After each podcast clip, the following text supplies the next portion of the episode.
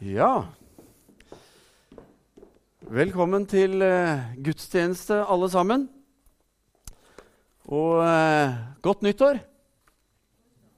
Ja, så bra. Det er godt å få det igjen. Det føles kanskje litt sent å si godt nyttår når vi er kommet til uh, 15. januar.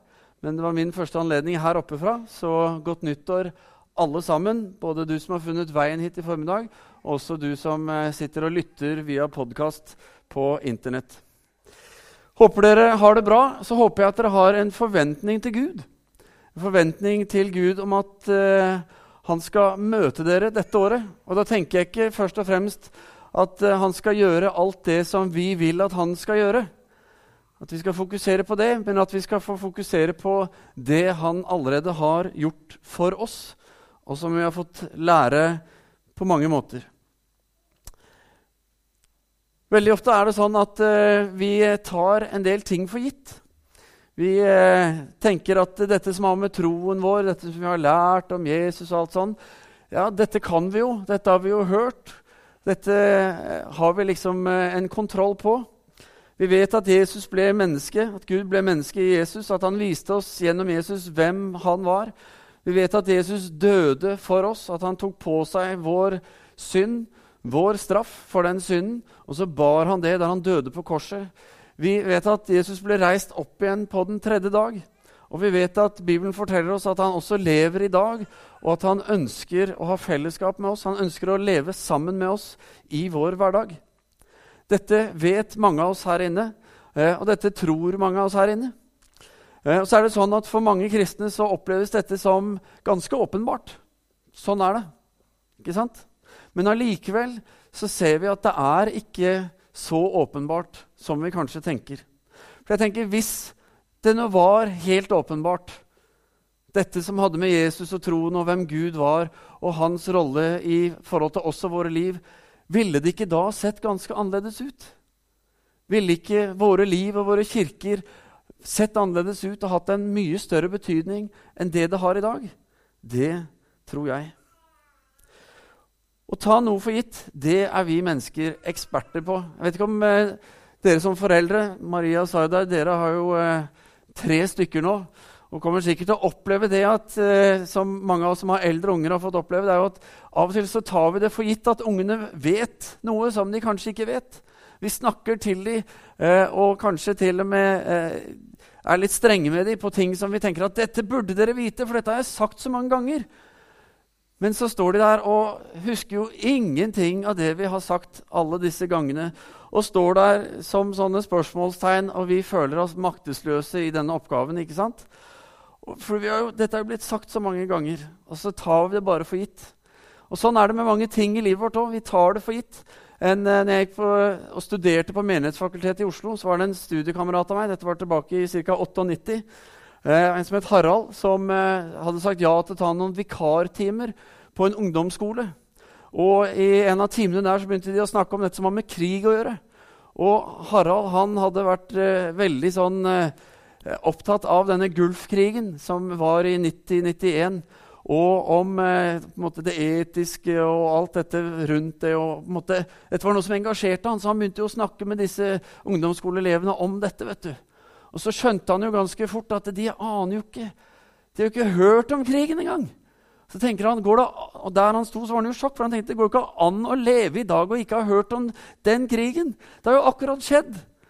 Men så går det opp for han etter hvert at disse ungdomsskoleelevene de var jo syv år kanskje når denne krigen pågikk. ikke sant? De kunne jo ikke lese overskrifter og ble beskyttet ikke sant, for alt det gale som skjer i verden osv. Så så, og sånn er livet. Vi plutselig så går vi på en smell. Vi tror at dette er åpenbart, men så er det ikke det. Og Sånn gjelder det også i forhold til troen. Det gjelder sånn i forhold til Kirken. Og jeg tror her er det særlig sant at, vi, at Kirken og mange kristne vi, vi tar litt sånn for gitt at det er kjent, dette med Jesus. Vi tar det for gitt i våre egne liv, og vi tar det for gitt på andres vegne også. Og særlig kanskje da i Norge, som har vært et kristent land i så mange år, hvor det er kirker og menigheter og bedehus i alle kriker og kroker, og det skjer noe der stadig vekk av kristen aktivitet. Men saken er den at det som ikke leves, det som ikke erfares, det mister sin kraft. Det glemmes. selv om det virker aldri så åpenbart. Vi må leve i det hvis det eh, åpenbarte skal ha en betydning for livene våre. Hvis det skal forvandle noe i oss til noe bedre, så må vi leve i det som er blitt åpenbart. Tar vi det for gitt uten å leve i det, så mister troen vår sin kraft. Og hvis vi lever troen vår, eh, men uten kraften, så eh, blir det vanskelig å svare på hvorfor sier Bibelen dette, hvorfor gjør man sånn, hvorfor tror man sånn. Fordi vi vet det kanskje egentlig ikke, eller vi tror at vi vet, og så syns vi bare det er vanskelig å svare. Så vil vi at noen andre skal svare for oss, osv. Og, og ikke bare det, men for å dempe noen av disse vanskelige spørsmålene, så eh, snakker vi litt annerledes om det. For å gjøre det litt sånn mer svelgbart for eh, andre rundt oss. At det ikke skal være så farlig, dette som vi snakker om og tror på. Nå er vi altså inne i det som kirkeåret kaller en eh, det handler om eh, hvem Jesus er. Det handler om eh, hva som er blitt åpenbart om han, gjennom han. Og I dagens tekster, og vi skal innom alle tre tekstene, eh, så eh, ser vi i den første fra Det gamle testamentet, som er en, eh, i Jesaja, profeten Jesaja, i det 42. kapittel, så finner vi en profeti om Herrens salvede, om han som Gud en dag skal sende til sitt folk for å vise hvem Gud er, for å dele det som er Guds plan. Vi skal lese eh, sammen de versene fra vers 1 til og med vers 9. Og der står det Se min tjener som jeg støtter, min utvalgte. I han har jeg min glede. Jeg har lagt min ånd på han. Han skal føre retten ut til folkeslagene. Han skriker ikke og roper ikke. Hans røst høres ikke i gatene. Han bryter ikke et knekket siv og slukker ikke en rykende veke. Med troskap skal han føre retten ut. Han skal ikke slukne og ikke knekkes før han har satt retten igjennom på jorden. Fjerne kyster venter på hans lov. Så sier Gud Herren, som skapte himmelen og spente den ut, som bredte ut jorden og alt som spirer der, som gir pust til folket på jorden og ånd til dem som ferdes der. Jeg, Herren, har kalt deg i rettferd og grepet din hånd. Jeg har formet deg og gjort deg til en pakt for folket, til et lys for folkeslagene for å åpne blindes øyne og føre fanger ut av fengselet, dem som sitter i mørket, ut av fangehullet. Jeg er Herren, det er mitt navn. Min ære gir jeg ikke til andre, min lovsang ikke til gudebilder. De første ting, se, de er kommet. Nå forteller jeg noe nytt. Før det spirer fram, får dere høre om det, kunne Jesaja profetere til eh, Guds folk den gangen i Israel så får vi her et innblikk i det som eh, er eh, Guds plan. Gud åpenbarer for sitt folk før det skjer, hva han tenker å gjøre. At han skal sende en som han skal salve spesielt. Og så ser vi i Jesus at han er den som Gud salver spesielt. Han er den som eh, eh, Gud gir sin ånd. Paulus sier i Filipperne 2 så forteller han om at Gud ble menneske. Og han sier at det Gud gjorde, det var at Gud ga avkall på sitt eget. Altså de egenskapene, de, den kraften, de tingene som gjorde Gud til Gud, da, til forskjell fra mennesker, det tok Gud, og så ga han avkall på og sa nå har jeg ikke dette lenger. Jeg gir det på en måte fra meg. Og så gikk han, og så ble han et menneske, sånn som deg og meg, med de samme begrensninger og utfordringer som vi har som mennesker. Han tok på seg en tjeners skikkelse, sier Paulus, og så ble han mennesker lik. Og når Jesus eh, vokser opp, så er han et menneske, og når han eh, starter sin gjerning, så er han som et menneske. ikke sant? Han er Gud også, men han har gitt avkall på disse greiene. Så kommer han til Galilea for å finne Johannes, Johannes, kjent som Johannes døperen, eh, og som er uh, evangelieteksten som vi har i dag. Som vi skal lese sammen fra Matteus 3,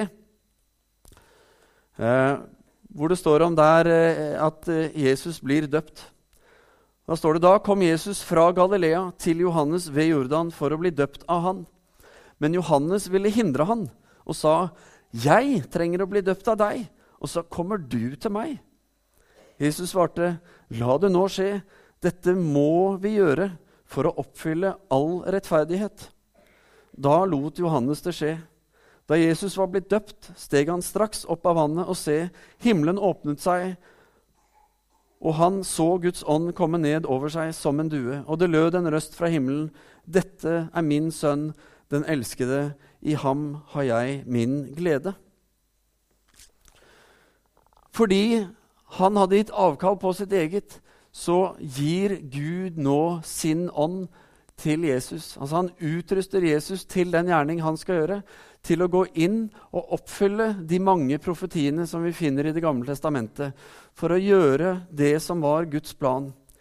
Det gjør Jesus nå. Og Jesaja han sa, 'Se, min tjener, som jeg støtter, min utvalgte. I han har jeg min glede.' Jeg har lagt min ånd på han. Jesaja prater jo på en måte på Guds vegne som profet. Det er et budskap han fører fram. Jeg har lagt min ånd på han. Han skal føre retten ut til folkeslagene. Eller som vi så det i dialogen mellom Johannes og Jesus, så sier Jesus dette må skje for å oppfylle all rettferdighet.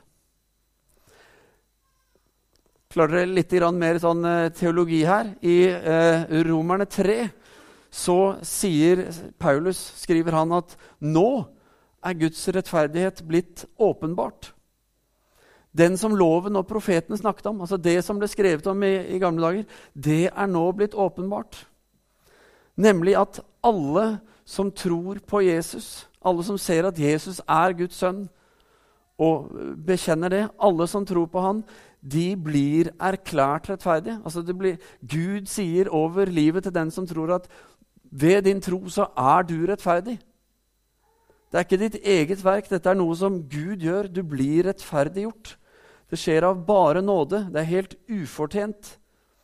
Og Guds plan er nemlig at du og jeg skal få lov til å bli rettferdiggjort. At ikke det er noe vi skal få til, men det er noe Han gjør for oss. At alle som tror, skal få lov til å leve i fellesskap med Gud sammen med Han. Og det skal få lov til å begynne her og nå, i dag.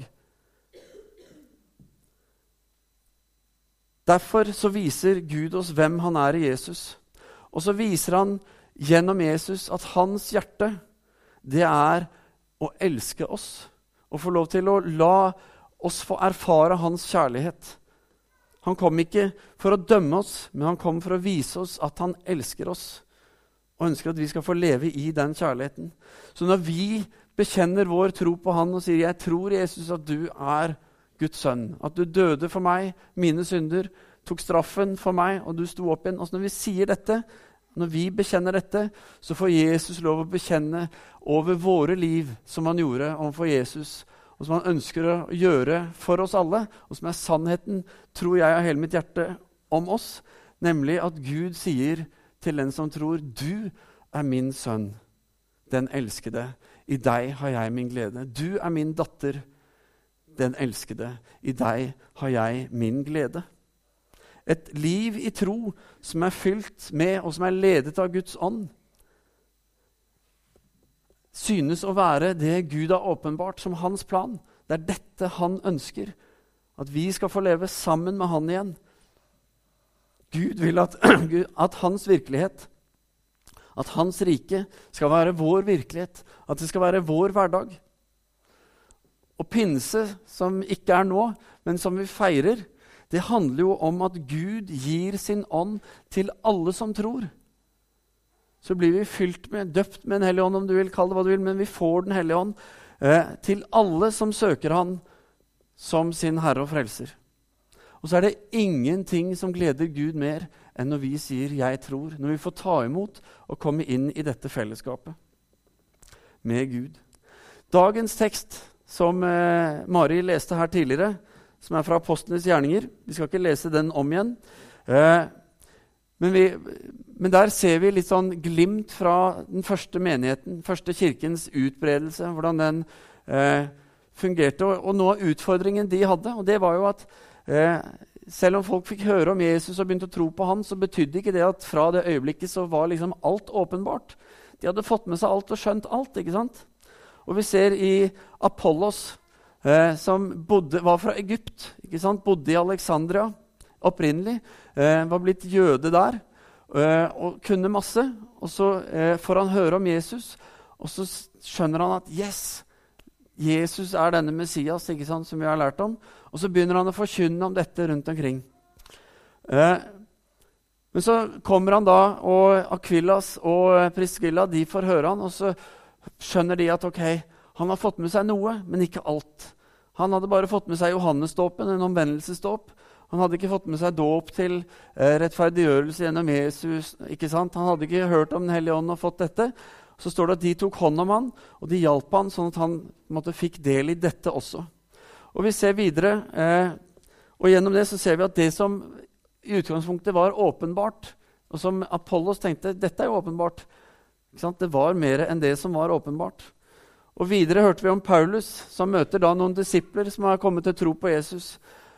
Og så eh, vet jo Paulus, da, som en som går rundt og starter nye menigheter og bygger opp, han vet at okay, det er noen sånne eh, hull underveis. Det er ikke alt som alle får med seg. Så han stiller kanskje det viktigste av alle spørsmål til disse disiplene. Så spør han fikk dere Den hellige ånd da dere kom til tro. Altså, Fikk dere Guds ånd, Guds kraft, som på en måte er drivkraften i hele det troslivet som du inviteres til å leve? Og som Apollos så hadde disse disiplene også bare hørt om Johannesdåpen. Så det Paulus gjør, det er jo at han døper de til Jesus Kristus. Og de får del i dette med rettferdigheten som Jesus kom og ordna for oss, osv. Og så eh, ber han om at de skal, eh, for dem, så de blir eh, fylt med en hellig ånd. Og Så ser vi at ting begynner å skje med en gang. Plutselig begynner disse disiplene å profetere, og de taler i tunger og gjør disse tingene som vi ser eh, kjennetegn til den første menighet. Det var mer som var åpenbart, enn det som de selv hadde fått åpenbart, og som de gikk rundt og holdt for sant. Dr. Eh, Martin Lloyd Jones var prest i mange år i en menighet i London. En svær menighet med hvor mange mennesker gikk eh, og kom på søndag etter søndag. Westminster Chapel. Han forteller om en gang etter en gudstjeneste at det kom en ung mann til han på 18 år. Og Så kommer han så takker han eh, eh Lloyd Jones for eh, prekenen. Og, og, Lloyd Jones han kjenner denne unge mannen, for han eh, og familien hans har vært i menigheten i alle år. og De er trofaste og liksom en del av menigheten. Så han, han vet litt om dem. Så sier da denne unge mannen eh, til pastoren sin så sier han, eh, da, For to-tre år siden jeg var sånn 15-16, så tenkte jeg at eh, egentlig så er mye av det jeg hører i disse talene, det er bra. Kan være bra for meg. Så det jeg begynte å gjøre, var at jeg begynte å notere disse tingene. Hva du sa, og poenger. Og når jeg kom hjem, så jobba jeg litt mer med det og leste litt i Bibelen rundt det og prøvde å lære om dette. Og så har jeg gjort dette eh, hver eneste søndag jeg har vært her siden da. Og mange som eh, har sett meg gjøre dette, har sikkert tenkt at oh, der har du liksom han, Dette er flink gutt, ikke sant? Han gjør jobben sin og alt dette. Men, sa han, i dag, når jeg er 18 år har ikke noe med alderen å gjøre, men i dag, altså noen år etterpå, så opplever jeg at det er i dag jeg virkelig har møtt Jesus. I dag er det virkelig blitt åpenbart for meg hvem Jesus er. Og jeg skjønner at jeg, Målet med mitt liv er ikke lenger bare at Jesus skal være en del av livet mitt, men at han skal være livet mitt. Og det kjenner jeg at det lengter jeg etter mer enn nå, sier denne unge mannen på 18. Men saken er at i livene våre så pågår det en kamp. En kamp om vårt fokus, om vår vilje, vår vilje til å stå i de tingene vi tror på. Eller til å gi litt etter fordi det kan være vanskelig, sånn at det vi tror på, begynner å formes etter tidens skiftende skygge. Den svenske forfatteren Magnus Malm har skrevet en bok som heter 'Som om Gud ikke finnes', hvor han snakker om det som heter sekularisering. Og sekularisering eh, kan enkelt forklares som en, altså en sånn nesten usynlig bevegelse. Vi ser det ikke, for det skjer så gradvis. Men hvor vi beveges fra det vi egentlig tror på.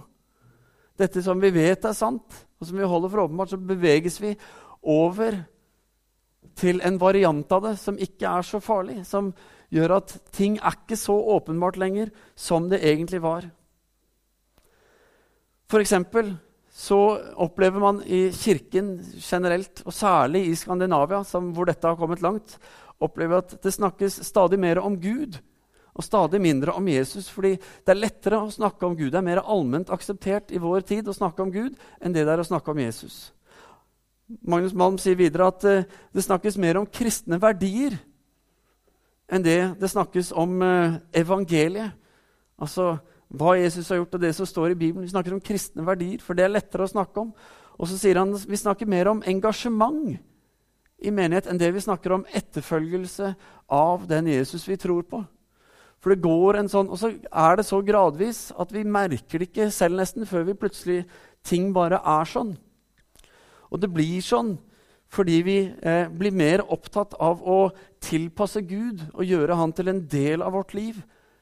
Mer opptatt av det enn det å faktisk gi våre liv til Han, som det er jo det Han ber om. Tro på meg, følg meg. Det er et liv som Han kaller oss til. Magnus Malm han skriver da eh, et sted i boken sin så sier han, det er ikke den kritiserte troen som sekulariserer oss. At det, at det er noen som sier uff nei, du må ikke tro sånn, og det er galt, og det er rart. Men det er den ikke-praktiserte troen, sier han. Han sier det er den bønnen jeg ikke ber.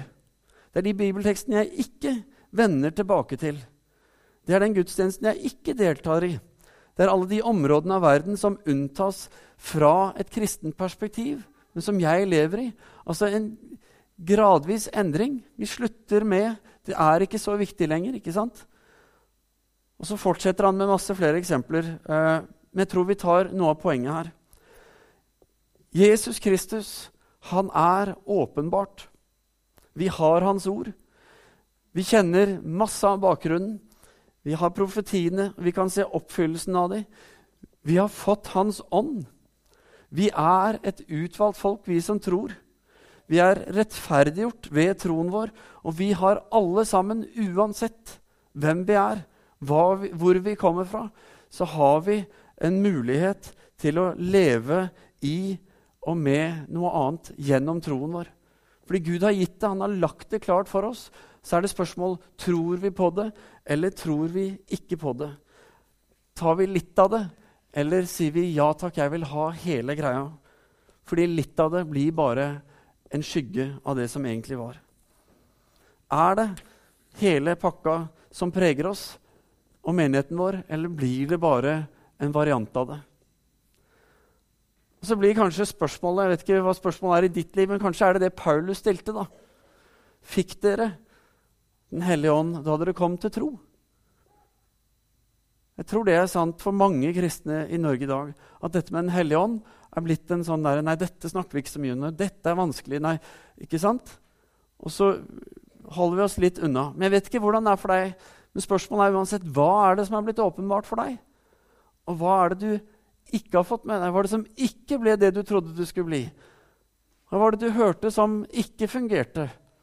Og hva handler dette om? Hva kan vi gjøre med det? Og Hvis vi sitter med måte, de ubesvarte spørsmålene og syns det er vanskelig, så er det første og viktigste jeg kan oppmuntre deg til, det er jo å gjøre egentlig det Magnus Malm sier, det er å begynne å praktisere det.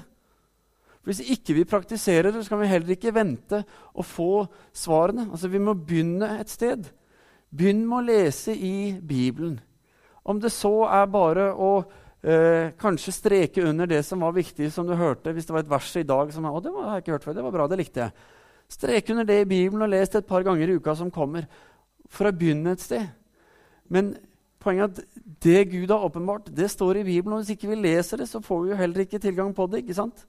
Så begynn å lese. Strek under. Eh, ta med deg Bibelen. Prøv å, å se at her har du noe utrolig viktig i forhold til den troen som du bekjenner. Eh, hva med å be? Mange har blitt lært at når du ber, så skal du be ti minutter, du skal be en halvtime, du skal be en time, eller du skal be sånn, og du skal bruke sånne ord, og du skal følge det mønsteret, og alt dette, som gjør at det kan bli litt sånn her, uff, jeg vet ikke helt hvordan jeg får til, eller alt dette. Altså, Om ikke du klarer å formulere noe annet enn å bare si 'Gud, dette syns jeg er vanskelig. Hjelp meg.' Altså, ha miskunn med meg, se nåde til meg, for jeg syns dette er vanskelig, så er det en så utrolig mye viktigere bønn enn å prøve å uh, være flink og formidle masse som en ikke helt skjønner selv. ikke sant? Og så har jeg lyst til å oppmuntre deg til å be sammen med andre. Hør på hva andre ber. I hvert fall syns jeg ja, veldig ofte at mange bønner så tenker jeg dette liker jeg. Gud, meg også. Det hun, det hun, ber om, det han ber om. Meg også. Jeg trenger også det. Jeg vil også det. Jeg syns det. Å ja, ikke sant? Det har jeg ikke tenkt på før. Og så får jeg høre hva andre tror, jeg får høre hva andre lengter etter osv., og, så og så gjør det noe med min tro. Så kom på bønnemøte eller bli med i et gruppefellesskap, men be sammen med andre. Be med ektefellen din, be med kjæresten din, be med vennene dine, be med barna dine. Bruk det, praktiser det, gjør det til en del av livet. Så vil du også kjenne at det påvirker og preger ditt liv og din hverdag. For det forløser en dimensjon som jeg tror vi lengter etter, og som jeg tror vi savner og trenger sårt i våre liv. Men viktigst av alt, det jeg har sagt nå, to ting. For det første, ikke gjør dette i egen kraft. Ikke vær flink å få det til, liksom. Be om at Gud ved sin ånd skal være med deg. At han skal vise deg og hjelpe deg å forstå det som står i Bibelen når du leser i det. At han skal gi deg en tanke om hva du skal be, hvordan du skal be. At han skal hjelpe deg å se hva du trenger. At han skal minne deg på hva du kan gjøre for andre mennesker rundt deg. Inviter Gud inn til å være en del av livet ditt. Ikke gjør det i egen kraft. Og for det andre, ikke gjør det for at Gud skal like deg bedre. Ikke gjør dette som en sånn der, 'Å nei, flink flinkesten', og, og, og, Gud ser det, og da består jeg min prøve. Det er ikke det det handler om. Gud har allerede gjort det klart at han elsker deg, at han elsker meg så høyt at han gikk i døden for å formidle det. Der er det. Og spørsmålet er kan vi gå inn og begynne å leve i det og ta imot og erfare det. For vi er allerede rettferdiggjort. Det som gjenstår, det er vår bekjennelse, vår tro på at det er sant, og det å begynne å leve i det, slik at dette blir det vi lever i, det vi erfarer, og dette som vi kan si dette er jeg glad for at jeg har i livet. Dette forvandler mitt liv, min hverdag. Ta med deg det inn i dette nye året. Søk, for har fått, vi har fått så utrolig mye.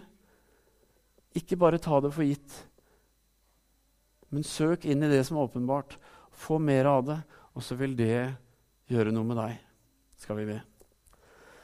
Kjære himmelske Far, takk, Herre, for at uh, du ble menneske.